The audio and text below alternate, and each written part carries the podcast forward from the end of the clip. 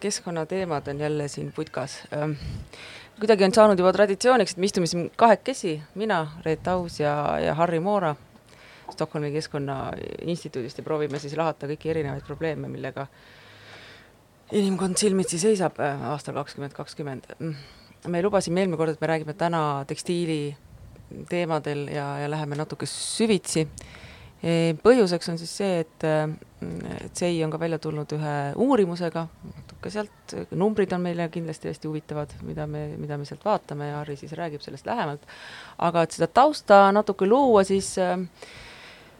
kui me rääkisime eelmine kord äh, Euroopa Liidus äh, vastu võetud roheleppest ja selle mm, rakendamise plaanist, siis üks prioriteetidest on välja toodud seal seesama moe- ja tekstiilisektor. Miks siis? noh, põhjus on selles, et, et, et ta lihtsalt on nii erakordselt ressursimahukas globaalne tööstusharu ja noh, kui tuua lihtsalt välja siis üks number, et globaalselt tekib aastas äh, sada miljonit tonni tekstiilijäädet. see on siis väga suur hulk, äh, väga suur maht äh, igasugust tekstiilipudi, mis, mis sellest tööstusharust üle jääb, et sinna sisse lähevad siis kantud rõivad ehk post-consumer waste, lähevad ka tootmisjäägid ehk siis pre-consumer waste, et ähm, ja on siis proovitud aru saada, kuidas me siis ähm, saaksime kõiki neid ülejääke Äh, tuua tagasi ringlusesse niimoodi, et ähm, et pigem me saaksime siis ressursikasutust vähendada, saaksime olemasoleva tagasi, tagasi ringlusse tuua ja et me ei peaks siis, äh, ma ei tea, no näiteks naftapõhiseid kiude tootma nii palju või, või, või, või, või, mida iganes. see uurimus nüüd vaatas äh, mm, seda Balti konteksti. ma mäletan siin aastaid tagasi äh, Äh, oli see küsimus hästi siis tugevalt üleval ja ei olnud võimalik tegelikult leida seda kohalikku infot, et palju meil siis äh, tuuakse näiteks second-hand idesse riideid sisse, kui palju neid läbi müüakse, kui palju on siis selline nagu kasutatud rõivamaht Eestis ja ja Baltikumis ja Euroopas üldse, et äh, millele te siis keskendusite ja lihtsalt, et alustada nagu ilusti numbriga, palju Euroopas siis selline tekstiili jäätmemaht aastas on? Nojah, et äh, me oleme nüüd kaks aastat uurinud nii Eesti kui ka siis Läti-Leedu äh, tekstiilijäätmete olukorda ja siin tekstiilijäätmete puhul äh, peaks siis kindlasti täpsustama, et me siis keskendusime nii-öelda tarbijajärgse tekstiili voo uurimisse, ehk siis need rõivad ja kodutekstiilid, mida me siis kõik igapäevaselt noh, tarbime ja ka mingil momendil siis kas ära viskame või korduskasutame, ehk siis seda, kuidas ja mis siis saab pärast nende meie poolt äh, tarbitud äh, kodutekstiilidega ja rõivastega, ka seda me uurisime. ja see uuring äh, sai teoks tänu Põhjamaade Nõukogule, kes tegelikult seda uuringut ka rahastas ja siin on üks huvitav põhjuseks, miks, miks me peaksime rääkima nagu Eestist, Lätist, Leedust kui sellisest tekstiilide, rõivaste ringsuse ühest olulisest lülist, on see, et Eesti, Läti, Leedu tänasel päeval väga paljuski äh, mängivad olulist rolli just, äh, mis puudutab äh, siis lääne, ka Põhjamaade kokku kogutud rõivaste vahetöötlejana, ehk siis kõigis kolmes riigis, aga kõige suurem jah, on, on, on Leedu, kes siis sordib neid jäätmeid, mida on kokku kogutud Lääne-Euroopast ja siin siis toimub nende jäätmete edasine äh, sortimine äh, ja edasi ka saatmine erinevatesse maailma mm -hmm. kohtadesse, kus need siis korduskasutatakse, võetakse ringlusse, aga muidugi ka on ka probleeme siin terve rida. noh, selle võib-olla siis on hea see korra see ahel läbi rääkida, et üldjuhul siis nendes riikides, kus tekstiilijääde kogutakse eraldi kokku, seal siis toimub alati teatud sorteerimine, see, mis on võimalik nagu uuele ringile suunata, suunatakse uuele ringile, see, mis üle jääb, üldjuhul siis äh, Äh, saadetakse või müüakse, heal juhul müüakse siis sel nagu noh, riikidesse, üldiselt sinna idabloki riikidesse, siia, kus me ka asume, siis äh, siia teise ringi kaubandusse või tuuakse siia sorteerimisse, jah. Jaa, et äh, noh, tegelikult rõivaste ja kodutekstiilide nii-öelda probleemi on ju teadvustatud Euroopas juba mõnda aega tagasi. Ja noh, sellest tulenevalt ka selle rohekokkuleppesse eriline äh, vaade tekstiilidele kui ühele nii-öelda probleemsele tooteliigile, eks ju, kui me -hmm. räägime noh, nendest igapäevastest toodetest, mis me kasutame, siis, siis rõivad ja kodutekstiilid on just need, mis tegelikult kõige paremini nagu näitavad meie seda tarbimisühiskonda, ehk siis ma veel nii-öelda taustana sinu, lisaks sinu sellele üldisele kogusele ehk sada tonn, sada või sada miljonit äh, tonni tekstiilijäätmeid tekib, siis tegelikult äh, see kogus on viimaste aastakümnete jooksul tohutult kiiresti kasvanud, siin Ellen MacArthur Foundation, kes on neid uuringuid teinud ringmajanduse valdkonnas, on ka selgesti näidanud, et, et äh, nii-öelda üldisemas plaanis globaalsel tasandil on kaks kuni kolm korda viimase kahekümne aasta jooksul rõivad, rõivaste kasutamine suurenenud, et me tegelikult tarbime neid rõivaid üha rohkem ja rohkem ja sama asi on juhtunud ka Eestis, Lätis, Leedus, et, et, et huvitav on just vaadata, kui me vaatame neid, seda tarbimise poolt, enne kui me vaatame just neid järgnevaid samme, et mis siis edasi saab mm, -hmm. siis siin tegelikult äh, Eesti on Lätist, Leedust tunduvalt ees, ühelt poolt võib-olla sellepärast, et me oleme mõnevõrra jõukamad, eesnumbrit, sa mõtled siis ta-, tarbimise mahu poolest? just, et rõivaste ostmine, ehk siis äh, kui palju turule pannakse, palju me tarbime rõivaid, äh, siis me oleme siin üle poole võrra ees, et kuskil kaksteist koma neli kilogrammi inimese kohta aastas me tarbime rõivaid ja kui me vaatame Läti-Leedu numbreid, siis nad on poole väiksemad. see on küll huvitav. jah, et me äh, oleme siis samas kategoorias siin Põhjamaadega või, või neil ja, on veel kõrgem või? just, et selles, et natuke neid numbrilisi kontekste panna, et me siin juba liigume väga selgesti sellise keskmise Euroopa riigi äh, suunas, aga tegelikult on meil, meil isegi veel tükk maad minna, sellepärast et keskmine rõivaste tarbimine Euroopa Liidus on kakskümmend kuus äh, kilogrammi inimese kohta, et me oleme siit ka veel poole võrra maas. ja nüüd, nüüd me võime ise mõelda, kui palju tegelikult rikkad riigid äh, tarbivad, noh, seal mm. eesotsas kindlasti Inglismaa ja nii edasi, Põhjamaades ka on need tarbimisnumbrid veel oluliselt kõrgemad kui, kui Eestis. aga jah, et see on huvitav, et, et me, kui meie selline kui globaalselt on üks kaks-kolm korda suurenenud, siis ma arvan, et kahe, kahekümne viimase aasta jooksul siin meil on, meil on kindlasti neli-viis korda isegi rohkem no, tarbima hakanud. jaa, alates üheksakümnendatest, loomulikult. kindlasti, et ka see meie uuring tõi välja, et kui me vaatame natuke üldisemalt kolme Balti riiki, siis tarbimise osas me ikkagi siiamaani oleme pigem sellised, kes kasutavad rõivaid küllaltki pikka aega ja isegi mõned meist oskavad veel rõivaid parandada, kuigi ma olen siin jah, viimasel ajal näitena toonud, et ühel päeval ma hakkasin ka otsima nõelaniiti kodust ja enam ei, ei leidnudki, et no, eh, ma kardan, et paljudes kodudes on see Telliskivi kuuskümmend kaks, tule ma annan sulle. just nimelt, et mm -hmm. see tegelikult väga selgesti näitab seda, et me oleme liikumas hoogsalt sinna, kuhu siis Lääne-Euroopa rikkamad riigid on ees liikunud ja aga siiski on, meil on veel tegelikult, eriti kui me vaatame Läti-Leedu mm, nii-öelda inimesi, siis seal on veelgi rohkem veel tavaks äh, sellise noh, rõivaste pikem kasutamine, see mõnes mõttes on huvitav, et see ka väljendub siis kogutud rõivaste kvaliteedis mm. -hmm. ehk siis, kui me vaatame, mida kogutakse kokku äh, siis korduskasutuse nagu second-hand'ina Põhjamaades ja, ja teistes Lääne-Euroopa riikides, seal on küllaltki palju selliseid äh, rõivaid, mida võib-olla on kasutatud kord ja mõnikord nad pole isegi pakendist välja võetud. noh, ma olin eile just äh, Uuskasutuskeskuse sorteerimisüksuses, veetsin seal pea kolm tundi, noh, teeme ühte projekti koos ja ühe teatritüki jaoks otsisin, sorteerisin sealt asju välja ja noh, see on siis see, nende ladu, sorteerimisladu on ju see, kuhu otse siis tulevad kotitõus, nad teevad selle esimese niisuguse reha, et mis läheb siis poodidesse ja mis läheb siis sinna teisesesse või noh, nii-öelda proovitakse siis hulgimüüa. ja no tõepoolest, ega selles mõttes, et täiesti tuttuusi asju on seal ikkagi noh, ma ei saa öelda, et palju, aga ikkagi on hinnasildiga korralikke saapaid, riideid, täiesti, täiesti korraliku kvaliteediga rõivaid tegelikult inimesed äh, annavad ära väga-väga kergekäeliselt, et seda, see on üks selline alati niisugune hea, hea niisugune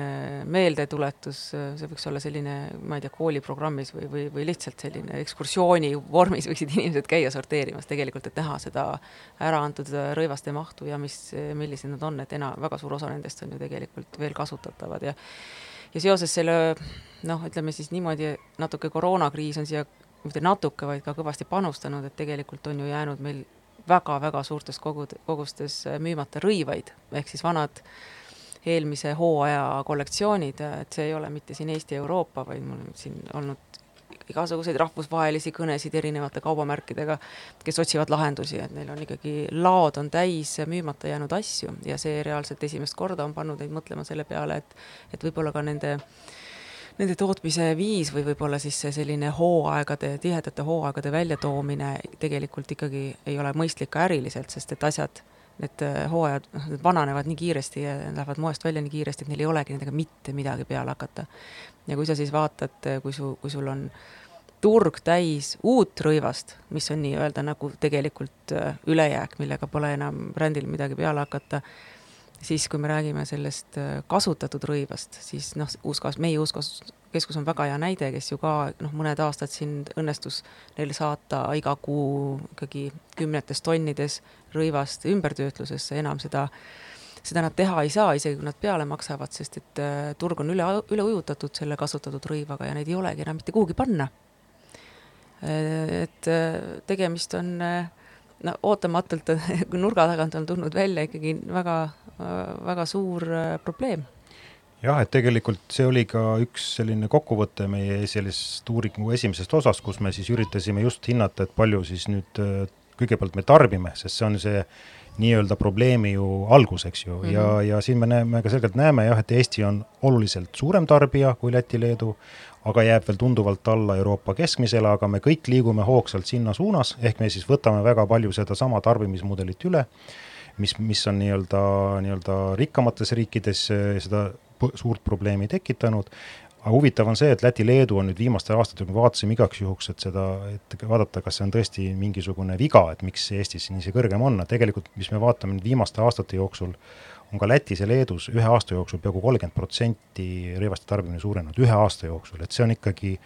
väga suur ja kiire tarbimise suurenemine, ehk siis selgesti näitab seda, et, et ka Läti-Leedu jõuavad kohe meile järgi. samas noh, kui me räägime veel tarbimisest, siis on või, võib-olla huvitav jah, rääkida sellest korduskasutusest ehk korduskasutatud rõivaste tarbimisest ja see on ka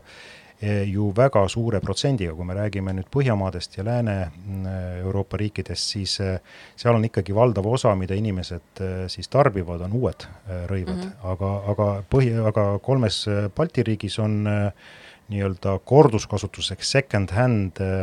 rõivaste osakaal siiski väga kõrge ja Eestis oli see kuusteist protsenti kogu tarbimisest ja jällegi, kui, kui me vaatame Lätit, Leedut, siis seal peaaegu kolmkümmend protsenti, et mõnevõrra jällegi tuleb see nagu toetab seda, et, et me siin Eestis oleme jõukamad, et meie selline tarbimismudel on lähedasem siis ütleme, Põhjamaade, Lääne-Euroopa äh, tarbimisele, aga Läti-Leedu, kus siis seda jõukust on vähem, siis ka nii-öelda tarbitakse neid korduskasutatud second-hand tooteid rohkem ja seal on ka hästi palju neid abiorganisatsioone, kes turule toovad ja pool muidu äh, siis jagavad, et see on ka oluline, oluline osa, tegelikult me oleme ka turuna siiski veel korduskasutatavatele toodetele küllaltki suur turg, et see on see huvitav asi, mis on tegelikult hea potentsiaal, et siit edasi minna ja seda rõivaste korduskasutuse teemat siis äh, arendada. ja tegelikult Eestis, Lätis, Leedus jällegi, siin võiks jällegi üles tõsta Eesti, meil on tegelikult see korduskasutuse nii-öelda infrastruktuur, needsamad uuskasutuskeskus ja muud organisatsioonid toimivad päris, päris äh, tõhusalt. Jaa, äh, aga noh, ma arvan, et uuskasutuskeskuse näide ikkagi Äh, eriti selles valguses, et äh, noh, nelja poole aasta pärast me peame kogu Euroopa Liidus tekstiilijäätme eraldi kokku koguma. Äh, ja me juba praegu näeme noh, sellesama uus, uuskasutuskeskuse näitena, et me võime selle kokku koguda, seda ju maha müüa kõike ei suuda, et, et kui sul ikkagi ühel organisatsioonil jääb viiskümmend kuni seitsekümmend tonni iga kuu üle ja meil lahendusi pole, et kuhu see tegelikult siis pannakse, et, et noh, kui reaalselt vaadata sealt seaduse äh, või regulatsioonide poole pealt, et kui, kui selline regulatsioon äh, ikkagi tahetakse läbi viia, siis äh, kust need lahendused peaksid tulema või, või kuhu siis äh, noh, kus see koht on, orbiidile või, või ma mõtlen, et nojah, et ega see kõige lihtsam ei ole, et, et, et selles mõttes võib-olla kõige lihtsam ja mis on ka hästi arenenud Eestis ja ka teistes Balti riikides, nii nagu ma mainisin, second-hand korduskasutatud rõivaste kogumine ja tegelikult siin on Eesti täpselt samal tasemel oma numbritega kui ka, kui Põhjamaad, et me oleme tegelikult üpris tublid oma vanu rõivaid äh, tagasi viima nendesse nii-öelda äh, kokkukogumispunktidesse, vastavatesse poodidesse, kus see asi toimib ja väga hea on tõdeda, et meil tegelikult on ka siin Tallinnas ja, ja Saaremaal ja mitmel pool mujal on ka hästi hakanud äh, toimima need nii-öelda äh, Eh, kogumise konteinerid, mis on avalikus ruumis ja tegelikult inimesed on väga-väga hästi selle omaks võtnud ja, ja, ja viivad rõivaid sinna, aga sellest eh, nii-öelda kokku kogutud rõivamassist eh, ainult jah, natuke üle poole on võimalik korduskasutusse suunata ja, ja aga maha müüakse ju veel vähem. ma ei tea, mis teie uuring ütles, aga mingi üks eelnevatest uuringutest näitab, et ainult kakskümmend protsenti müüakse. jah, meil oli nii, et ütleme, sellest läbikäivast massist ja siin me peame jällegi rõhutama, et tegelikult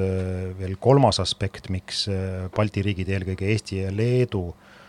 on huvitavad või omavad teatud sellist olulist positsiooni sellest Euroopa äh, rõiva ringsuses, ringses süsteemis on see, et meile, me oleme need nii-öelda, meile imporditakse, nii nagu ma enne ütlesin, me ise tegelikult sordime teiste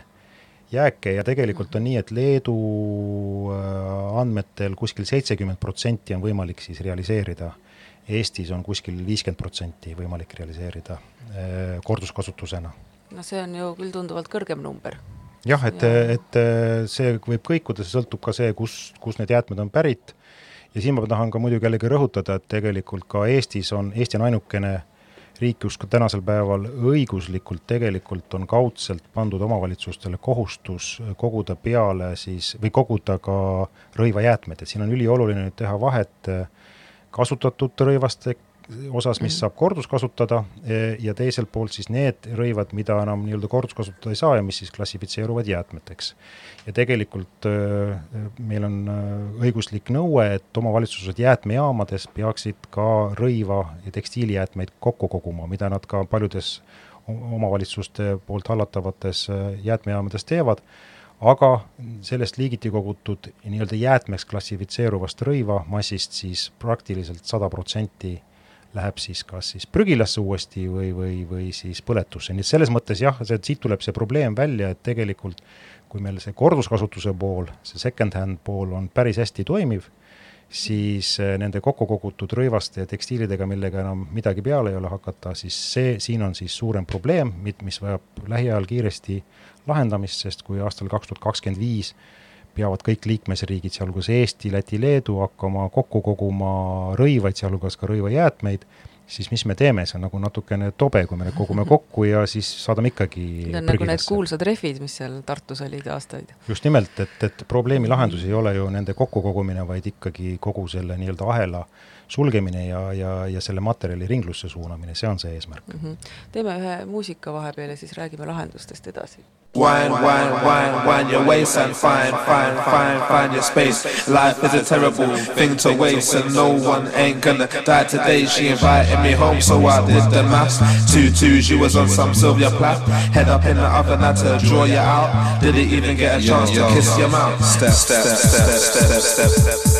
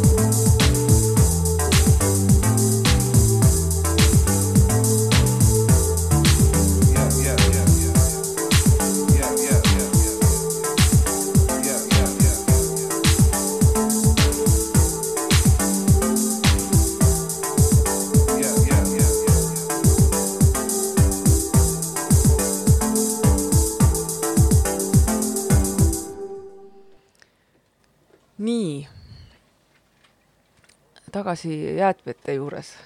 tekstiilijäätmete juures mm,. mis liiki jäätmetest äh, me siis ikkagi räägime, kui me räägime sellest viimasest raportist, mis äh, SEI kokku pani? jah, et nii nagu ma enne mainisin, siin me ikkagi keskendusime eelkõige siis inglise keeles post-consumer ehk siis tarbijajärgse rõiva ja kodutekstiili jäätmevoo või siis ütleme, tekstiilivoo osas, et nii nagu ma enne ka ütlesin, iga kord ei saa seda nimetada jäätmeks, jäätmeks me saame ikkagi nimetada rõivaid siis, kui ta sisuliselt äh, ei sobi, sobigi enam korduskasutuseks ja kui me ta sisuliselt ära viskame. ja jah, selles mõttes jäätmevoog ehk siis see, kui me oleme need rõivad äh, ära visanud, nad ei sobi enam korduskasutuse, korduskasutusse, siis hakkab põhimõtteliselt probleem. Ja see ei ole ainult nüüd Eesti ja võib-olla Baltikumi probleem, vaid see on tegelikult äh, laiem probleem, ega ei ole Euroopa Liidus ega globaalselt veel äh, selliseid häid lahendusi, mis siis aitaks äh, tekstiilijäätmeid ja rõivajäätmeid eelkõige äh, ringlusse suunata. Ja noh, selles suhtes sina kindlasti tead rohkem neid probleeme, aga aga sellise jah, tüüpilise rõivamassi äh, ringlusse võtmine, käitlemine on, on paras väljakutse noh, see on kujunenud ikkagi erakordselt suureks väljakutseks ja ma mõtlen, et noh, kui me ka numbritest räägime, siis ma arvan, et see null protsenti Eesti ümbertöötlusvõimekust, see oligi ju teie raportis ka. Jah, et tegelikult Eestis on väga vähesel määral siis äh, tehakse kasutatud rõivastest puhastuskaldse selliseid väi, muid väiksemaid tooteid. Ja ega rohkem ei, äh, tõesti seda võim-, võimsust ja võimekust ei ole, ka Leedus on, Leedus on kõige suurem see võimekus, aga ka see on ka väike, et seal me räägime aastas ütleme kahekümnest, kolmekümnest tonnist, mis siis eh, nii-öelda Nad koha peal ümber koha peal ümber töötlevad, aga kui me räägime ikkagi kümnetest tuhandetest tonnidest eh, jäätmemassist ja kasutatud rõivastest mm., siis eh, see on väga-väga mm -hmm. olematu kogus, et see on vaja, see vajab ikkagi väga olulist nii-öelda keskendumist ja siin on nii tehnoloogiline areng kui ka, kui ka finantsiline toetus on need, mis, mis mängivad siin olulist rolli ja meil tegelikult ei ole vaja aega pikalt oodata. -hmm, aga kui me räägime mm, meetoditest, millega lahendada tekstiili jäätmeprobleemi, siis ega noh, neid väga palju polegi, neid laias laastus ongi ainult kaks, eks, väärtustav taaskasutus ja ümbertöötlus. väärtustav taaskasutus, inglise keeles siis upcycling on midagi, mida jah, on väga või noh, on suht-koht lihtne juurutada tootmistasandil, kui me räägime siis tootmisülejääkidest, aga seda jäätmeliiki või ülejääki te ei, ei kaardistanud. Aga kui me räägime sellest äh, tarbijajärgsest või siis kasutatud rõivast, siis seda väärtustavalt taaskasutada on jällegi üsna keeruline, sest see on erakordselt äh, töömahukas ja sinna läheb niisugust inimtundi väga-väga palju sisse, et neid teste siin on ju palju tehtud ja, ja, ja, ja, ja meiegi teeme uh, iga aasta mõne erineva tootearenduse, kus me proovime aru saada, et kas me, kas on siis võimalik leida selline toode või meetod, et sa siis poolkäsi töönduslikult või siis väiketootmise äh, printsiibil teed mingid tooted, mis oleksid tegelikult ka noh, turul kuidagi konkurentsivõimelised oma hinna poolest ja noh, ega eriti äh, ütleme siis nii, väga edukad me nendes eksperimentides, aastate jooksul tehtud eksperimentides ei ole olnud, sest et äh, see materjal on nii ähm, mm, keerukas ja, ja, ja noh, me oleme palju teksapükstega näiteks töötanud, mis äh, teksapüks on ikkagi enam-vähem, sa tead, et seal on seal mingisugune üheksakümmend kolm protsenti puuvilla ja siis see elastaani äh, noh, protsent kõigub siia ja sinna, aga ikkagi see tähendab seda, et sul on iga püksipaar äh, õmblusmasina all käitub erinevalt, et tegelikult niimoodi upcycling ut rakendada, noh, on ikka väga-väga keeruline, toote hind tuleb nii kõrge ja meie tarbija täiesti arusaadavalt ju, kui tehtud on teisesest materjalist, eeldaks, et see hind just oleks odavam. et seda kuidagi ära selgitada, miks see, miks see nii on, ongi keeruline, aga samas, kui me jõuame ümbertöötlemiseni, millest siis võiks korra rääkida, mis see võimekus meil on ja kus sellega tegeletakse, kus tegelikult suures mahus see lahendus just post-consumer waste'ile ju võiks tulla. et seal on kahte liiki siis, üks on mehaaniline ümbertöötlus ja teine on keemiline ümbertöötlus. Et kui me teame, et siin Eestis see võimekus on null, noh, meil vist ei ole ühtegi Äh, minu teada, ega meil ei ole ju ühtegi purustajat või ühtegi ettevõtet, kes seda tekstiili jah, sellist äh, klassikalist kiustamist äh, nagu suurtes mahtudes ei tehta, kuigi tea, Tallinna Tehnikaülikool on ühe projekti raames välja töötamas ka sellist tehnoloogilist lahendust, aga antud momendil on ta ikkagi alles sellises väga varajases arengu, are-, arendusstaadiumis, et jah, sellist füüsilist käitist, mis sellist, sellega tegeleks, ei ole ja, ja see tõesti, see mehaaniline kiustamine on äh, ja sealt edasi siis äh, nii-öelda uue lõnga või, või kanga tootmine, noh, seda teistes riikides on tehtud äh, ja katsetatud, aga, aga põhiprobleem on seal ikkagi see hind ja muidugi sa võid ka oma kogemuste peal välja öelda, et ka, ka kvaliteeti ja see kvaliteet tuleneb vist jah, just sellest, et see sisendmaterjal, eks ju, ei ole niivõrd kontrollitud ja puhas, eks ju, see, see kiu kvaliteet on selle võrra kehvem. jah, noh, ikkagi kasutatud rõivast äh, teha mingisugune materjal, mida sa saad siis nagu moes uuesti kasutada, on jah, üsna keeruline, et seda, seda kvaliteeti äh, saada, noh, alati muidugi ja see, mida ka tehakse hästi palju, neid näiteid on ju küll ja küll, erinevaid kaubamärkesid, märke, kes, kes, kes siis on katsetanud ja, ja, ja või kui me räägime Texas, siis noh, kolmkümmend protsenti lisatakse seda äh, post-consumer'i ümbertöödeldud kiudu ja seitsekümmend protsenti on ikkagi uus kiud, aga noh, asi seegi, mingisugunegi protsent tuleb nagu tagasi, et siis saab selle kvaliteedi normaalse, et et meie oleme siin katsetanud jah, sada protsenti post-consumer ümbertöödeldud lõnga ja sellest kudumite tegemist, et et jah, seal on küll oma väga suured keerukused, et saada see lõng siis ühtlaseks ja et sa saaksid seda masinal kududa ja et ta ei katkeks ja, ja, noh, ütleme siis nii, et et see tundub kuidagi, kuidagi koomiline, et me nii algusstaadiumis oleme nagu seda, selliste, selliste tootearendustega. aga mm, Soome siin on jõudnud üsna kaugele sellesama teemavaldkonnaga, et seal vist täiesti riiklikul tasandil Äh, asuti tege-, tegelema asjaga, oli nii või? jaa, noh, seesama väljakutse, mis tuleneb siis Euroopa Liidu keskkonnapoliitikast ja, ja seesama nii-öelda Green Deal või rohekokkulepe ja fookus äh, tekstiilidele on väga selgesti näidanud, et, et äh, siin ei ole nagu mõtet väga hakata ootama, kuni turg siis asja paika paneb, et siin on vaja tegelikult väga selgesti sellega tegeleda ka riiklikul tasemel ja see oli ka meie uuringu üks sisu, et me tahtsime siis äh, vaadata, mis Põhjamaades toimub ja viia kokku, viisime ka siis oma projekti raames siis Eesti eh, vastavad eh, huvirühmad eh, Soome huvirühmadega kokku, et, et, et tegelikult on ülioluline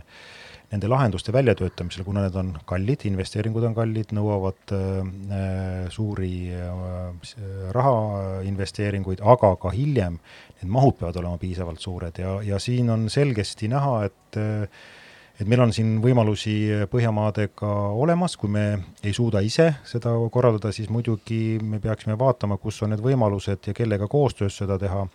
teisest küljest on kahju, et me oleme mõnevõrra võib-olla nagu ise siin Balti riikides ja miks mitte ka Eestis no nende areng, arendustega jäänud võib-olla järelejooksjateks, kuna tegelikult Eesti ja ka teised Baltimaad on, oleks väga hea koht sellise äh, ringse tekstiilisüsteemi ja ärimudelite rakendamiseks, just sellepärast, et äh, meil on tegelikult veel alles mingil määral tekstiilitööstus sellises konventsionaalses klassikalises mm -hmm. mõttes on meil on tegelikult olemas ka pädevaid inimesi, kes selles valdkonnas on toimetanud või veel toimetavad, sealhulgas ka disainerid. et tegelikult lõppkokkuvõttes see nii-öelda lahendus, see tehn-, tehniline lahendus, mida siis nüüd, mida sa mainisid, mida nüüd siis Soomes äh, Äh, riiklikul toel on arendatamas, ehk siis on siis Lõuna-Soome jäätmekäitluskeskus, kes on siis selline omavalitsuste äh, ülene selline koostöövorm, on väga selgesti hakanud siis arendama sedasama äh, kiustamist, ehk siis rõivaste kodutekstiilide kiustamise ehk mehaanilise ringlussevõtu tehnoloogiaid, aga see on ainult üks samm, ehk siis kui me selle nii-öelda kiu valmis saame, kätte saame, mis siis edasi saab, ehk me peame ju tegelikult tootma tooteid, mida on võimalik äh, müüa ja, ja noh, nii nagu sa enne ütlesid, et igal juhul keskkonna seisukohast kõige parem oleks, kui need tooted, et kui me rõivastest toodaksime uusi rõivaid, mitte et me seda nii-öelda downcycle iksime või kuidas me seda siis eesti keeles ütleme, nii-öelda allapoole recycle iksime, ehk siis topiksime seda kuskile mm, näiteks asfalti, see on niisugune tundub niisugune väga hea lahendus natuke jutumärkides, mida siin palju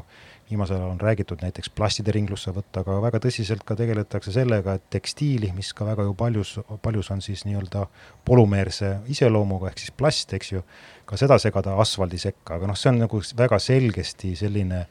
väärtuse kaotamine, me peaksime ikkagi nendes lahendustes vaatama sinna suunas, et me toodaksime nendest kasutatud rõivastest uuesti äh, rõivaid ikkagi vaat siin on oluline see, et, et, et mis me pärast seda mehaanilist töötlemist siis selle kiuga teeme, et kas me suudame, oleme suutelised äh, sealt ikkagi rõivaid ja uusi selliseid väärtuslikke tooteid, siin on väga oluline roll äh, disaineritel ja tehnoloogidel ja seda oskust meil Eestis äh, siiski veel on.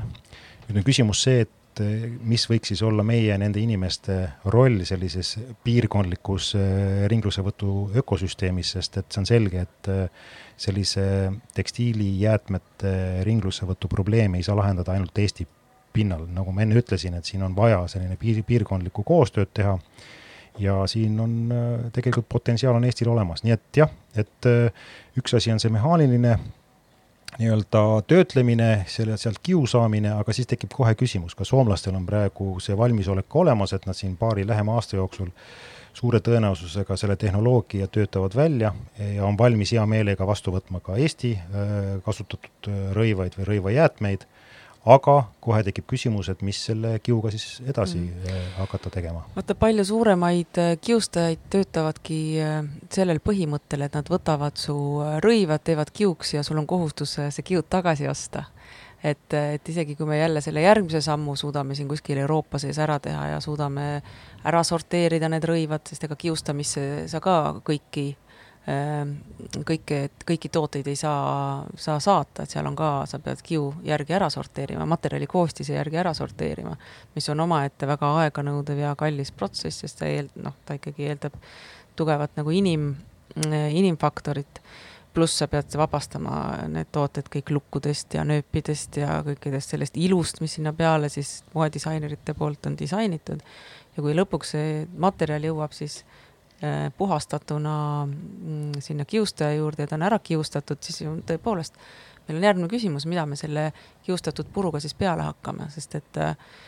see kiud on nii lühikene, et, äh, et,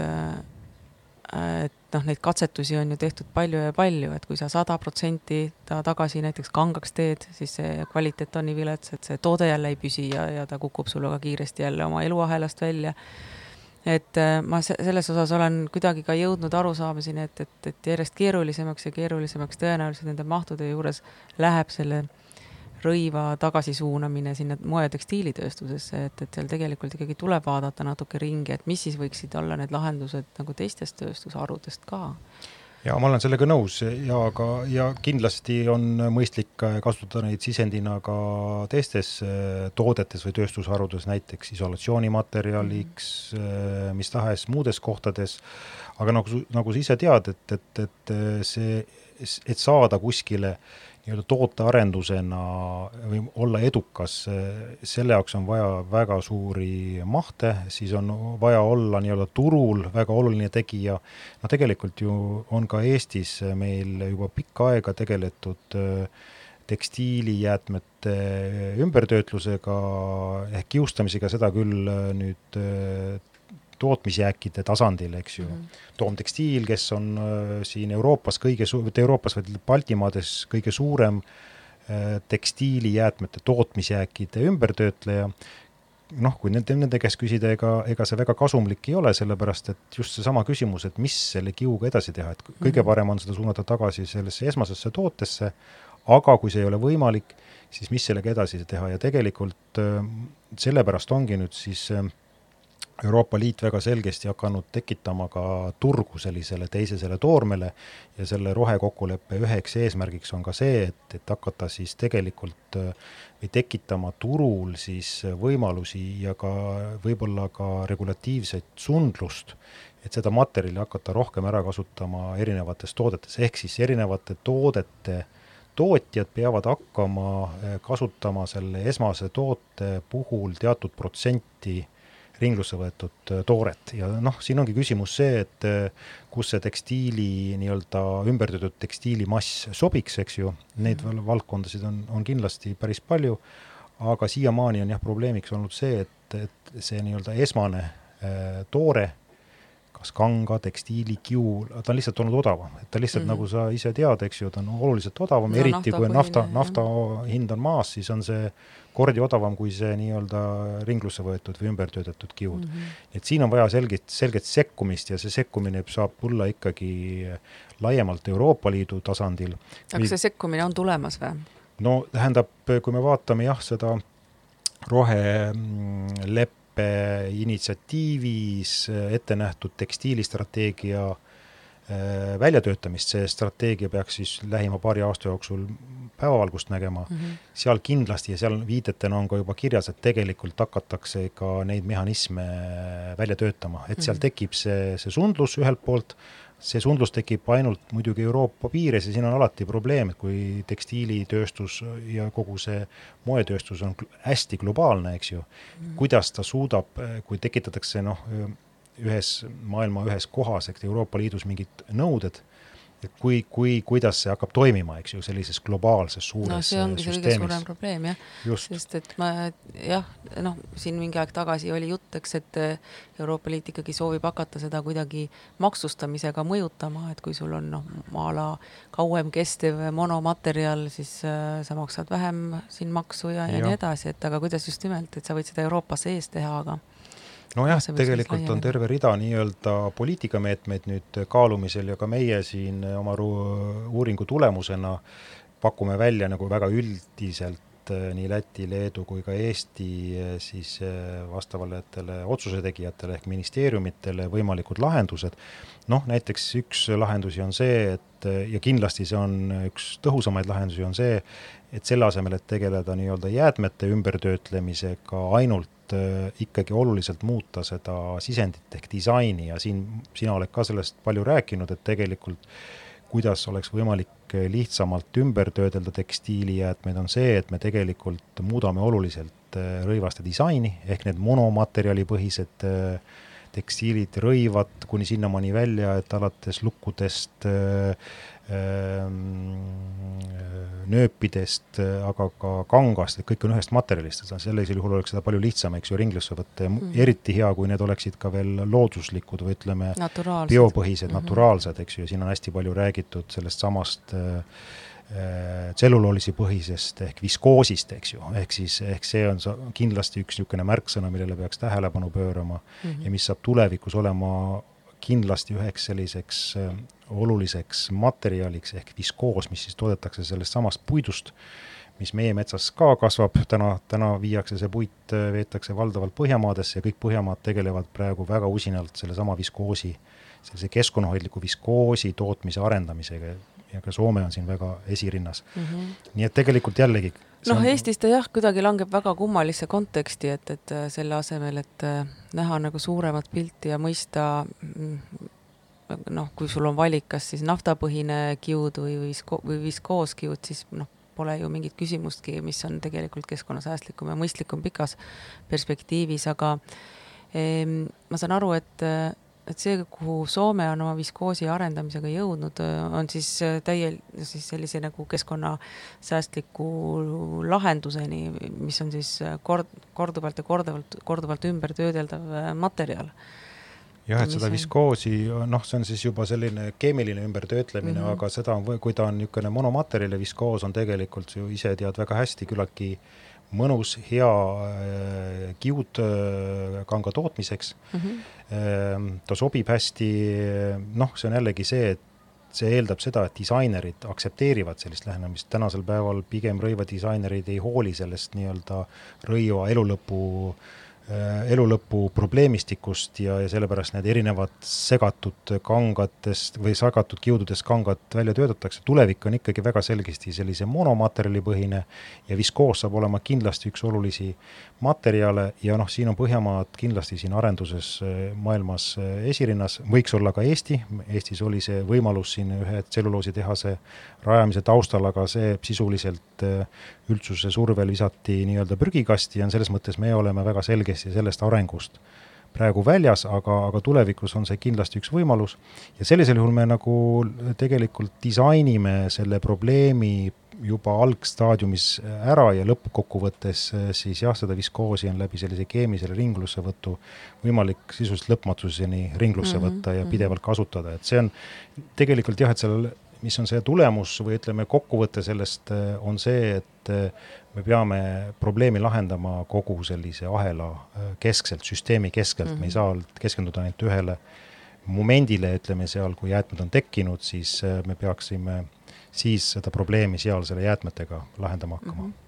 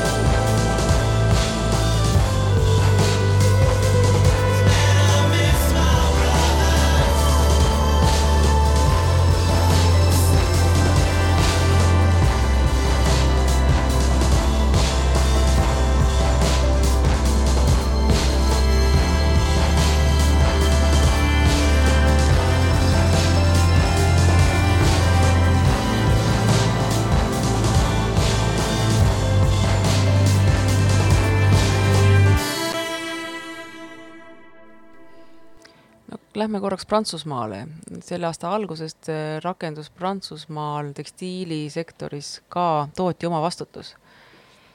mida see meil muudab? jah, et üks võimalusi, mida on ka teiste tootegruppides ju kasutatud, on seesama tootja vastutuse põhimõte, ehk siis see tähendab seda,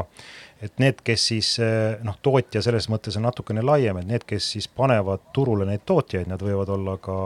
nii-öelda brändid otse või ka, või ka kaupmehed, kes siis konkreetselt äh, neid tekstiilitooteid turule panevad, nendele tehakse siis kohustuseks seaduse poolt äh, need tooted kokku koguda selle, selle kokkukogumise ja ka ringlussevõtu tagada ja selle eest ka maksta. muidugi hiljem äh, tootjad, äh, brändid panevad selle lisakulu muidugi toote lõpphinda, aga see siis hakkabki seal kajastuma ja tegelikult paneb meid mõtlema, äh, kas siis on mõistlik, eks ju, neid tooteid, odavaid tooteid kokku koguda ja neid siis nii-öelda pärast kasutamata jällegi jäätmete hulka visata no, aga vot odavad tooted saavadki niimoodi ära kaduda. no see on üks asi, jah, tegelikult see nii-öelda toote olelusringi lõpu ehk siis selle jäätmekäitluse hind tuleb siis konkreetselt äh, tarbijale, aga see tuleb läbi selle tootja ja noh, selline sarnane süsteem on meil täna ju toimimas näiteks pakendi valdkonnas, vanarehvide valdkonnas, äh, elektroonikaseadmete puhul, et see on laialt kasutatud ja, ja selle eesmärk peaks olema siis ka see, et kuna selle kokkukogumise ja ringlussevõtu kulud katab siis see tootja, ehk siis äh, maale tooja või turulepanija eelkõige muidugi äh, tekstiilide ja rõivaste puhul hakkavad siis, äh, oleks siis need brändid, kes selle äh, vastutuse võtavad, et, et nad hakkaksid ka siis mõtlema, kuidas oleks võimalikum siis selliseid tooteid teha, mida on lihtsam, odavam ja parem ringlusse võtta ja sinna mm, -hmm. sealt see ongi see mehhanism, mis aitaks siis selle disaini kiiremat rakendumist, millest me mhm. ennem rääkisime, sellised monomaterjalid, ringlussevõtud, aga miks mitte ka kauakestvamad tooted, rõivajad ja nii edasi, et siin tegelikult võib see asi olla küllaltki perspektiivne, samas muidugi on selge, et ega brändid ja tootjad väga vaimustuses selles ei ole, sellepärast et kui, kui, kui me räägime tekstiilitoodetest, siis on see äh, üks keeruline mm, mehhanism, see kogu see turu, turg, sellepärast et äh, ka meie uuring näitas, et tänasel päeval inimesed äh, üha vähem ostavad kauplustest äh, tooteid, et väga selge ja lihtne on turul välja selgitada need nii-öelda suuremad brändid ja, ja edasimüüjad, aga tänasel päeval me ju tegelikult ostame tooteid igalt poolt, sealhulgas ka e-kaubandus, eks ju, ja kõik see temaatika on selline, mis, mis vajaks siis lahendamist, et kuidas siis vältida seda olukorda, et neid niinimetatud jäneseid või freeridereid välistada. Kas te e-kaubandust ka vaatasite või? me natuke vaatasime ja tegelikult öö, öö, otseselt on see väga keeruline, sest et öö, see on tohutu kiirusega muutunud, see viimane Covid kriis ju tegelikult muutis seda pilti täiesti drastiliselt, eks no, ju, et, tegelikult see e-kaubanduse osakaal järsult suurenes. Äh, pigem on Eestis e-kaubandus olnud äh, tagasihoidlik võrreldes paljude teiste riikidega, Eesti inimestel e-kaubandus äh, ka rõivaste puhul ei ole väga nii, tähendab, ta ei ole nii eh, populaarne kui paljudes teistes riikides mm., aga siiski see tuleneb ka, ma ei tea, Eesti linnade väiksusest, et poodi on lihtne minna. ja see ka ja võib-olla selline üldine harjumus, mis on nüüd, ma ütlen, see viimase kriisi jooksul väga oluliselt muutunud ja me ka tuvastasime tegelikult, me statistika andmete põhjal eh, saime teada, palju on ametlikult turule pandud eh, rõivaid ja kodutekstiile ja me tegelikult tuvastasime ka palju siis jäätmetena tekib ja seal tegelikult oli küllaltki suur vahe ja me jäätmeid on rohkem, jah? jäätmeid on rohkem, kui turule pannakse ja siis eh, seal oli mm. üks viis-kuus kuni kümme protsenti isegi. Eh, ja selle vahe, noh, osaliselt võibki arvata, et see on, seal on e-kaubandus mm -hmm. sees, mis tegelikult liigub eh, nii-öelda statistikast väljaspool ja tekitab selle olukorra mm,. no tõenäoliselt kasvab see veelgi, siin pole ju küsimustki mm. -hmm. just nimelt ja kui me nüüd räägime sellisest tootjavastutusest, siis kuidas siis äh, selline kanal, eks ju, ka reguleerida ja kontrollida, see on, see on suuremat sorti küsimus mm. ja, ja jah, selge see, et kui kui need tooted, mis on nii-öelda ametlikult tootjavastutuse all, muutuvad kallimaks, siis inimene instinktiivselt hakkab otsima neid kanaleid, kust odavamalt osta mm. ja nii võibki tekkida olukord, kus on siis ikkagi sala salarõivad. just, ja, ja need nii-öelda au, ausad tootjad peavad kinni maksma siis nende nii-öelda äh, jäneste poolt turule lastud jäätmete mm. ringlussevõtu ja käitlemise. noh, samas see Prantsusmaa näide on ju väga hea, siin äh, märtsikuus juba tekkis äh, paljudel suurte, suurematel Prantsuse kaubamärkidel ja ettevõtetel äh, selline nagu väike paanikalaadne asi, et mida siis teha nende asjadega, mis tagasi tulevad, sest et nad peavad need ringlusse suunama, nad ei tohi saata neid prügilasse või põletisse et meie siin ju jätkuvalt tegelikult tekstiilijäädet võime saata nii põletisse kui, kui prügilasse. et kas äh, nüüd see, mis Prantsusmaal on rakendatud, kas on näha, et see laieneb kogu Euroopa Liitu? jah, et praegu hoolega vaadatakse Prantsuse kogemusi ja tegelikult ka Euroopa Komisjon läbi oma sellesama rohe eh, kokkuleppe raames eh, koostatud uue ringmajanduse tegevuskava ikkagi näeb ette väga selgesti seda tootjavastutuse põhimõtet kui ühte olulist poliitilist ja regulatiivset meedet ja võib mm -hmm. arvata, et siin lähiaastate jooksul Põhjamaad väga oluliselt kaaluvad seda asja ja ega võib arvata, et kui see laiemalt rakendatakse, ega siis ei ole ka meil pääsu, aga muidugi siis peaks neid samu küsimusi kindlasti kaaluma. see muidugi eeldab ka seda, et meie turul toimetavad brändid edasimüüjad peaksid äh, siis selle hästi läbi mõtlema ja ise äh, nii-öelda korraldama selle kogumissüsteemi mm -hmm. või mhm. vähemasti panustama sellesse, et vastasel juhul, kui see anda käest ära ja jätta see väga palju, ütleme, jäätmekäitlejate toimetada, siis see lõpptulemus ei pruugi olla kõige parem. nii et tegelikult äh, jah, et brändid, tootjad, edasimüüjad peaksid väga selgesti seda teadvustama ja täna juba sellele mõtlema hakkama hea meel on tõdeda ja sul on endal ka kindlasti kogemusi nende suuremate brändidega, et, et, et siin on toimunud tegelikult ka siin kriisi valguses suuri äkilisi muudatusi ka nende nii-öelda mentaalses mõtlemises, et siin võib eeldada, et arengud võivad olla päris äkilised. Mm, noh, ma vaatan, et kui me räägime suurtematest äh, korporatsioonidest, siis äh, seesama hooaja äh, hooajalisus on vist esimene suur komistuskivi, see, millest nad nüüd on aru saanud, et tegelikult äh, ei ole mõtet iga kahe nädala tagant kollektsiooni välja tuua, sest et kui äh, ikkagi äh, globaalne tarneahel kukub kokku, tootmised ennast kinni panevad tänu kriisile, mis oli, siis, siis on see kaos väga suur, et et väga keerulised ajad on ees ja samas väga põnevad ajad on ees ja ma arvan, et selles sektoris on neid muudatusi ikkagi tulemas väga palju tänu Covidile ja, ja, ja, ja loomulikult ka tänu erinevatele regulatsioonidele, mis tulevad. aga ja. aitäh, Harri, me oleme oma aja nüüd täis lobisenud sujuvalt, teeme ruumi järgmistele ja suured tänud. suur tänu ja jõudu kõigile tekstiiliprobleemidesse panustamast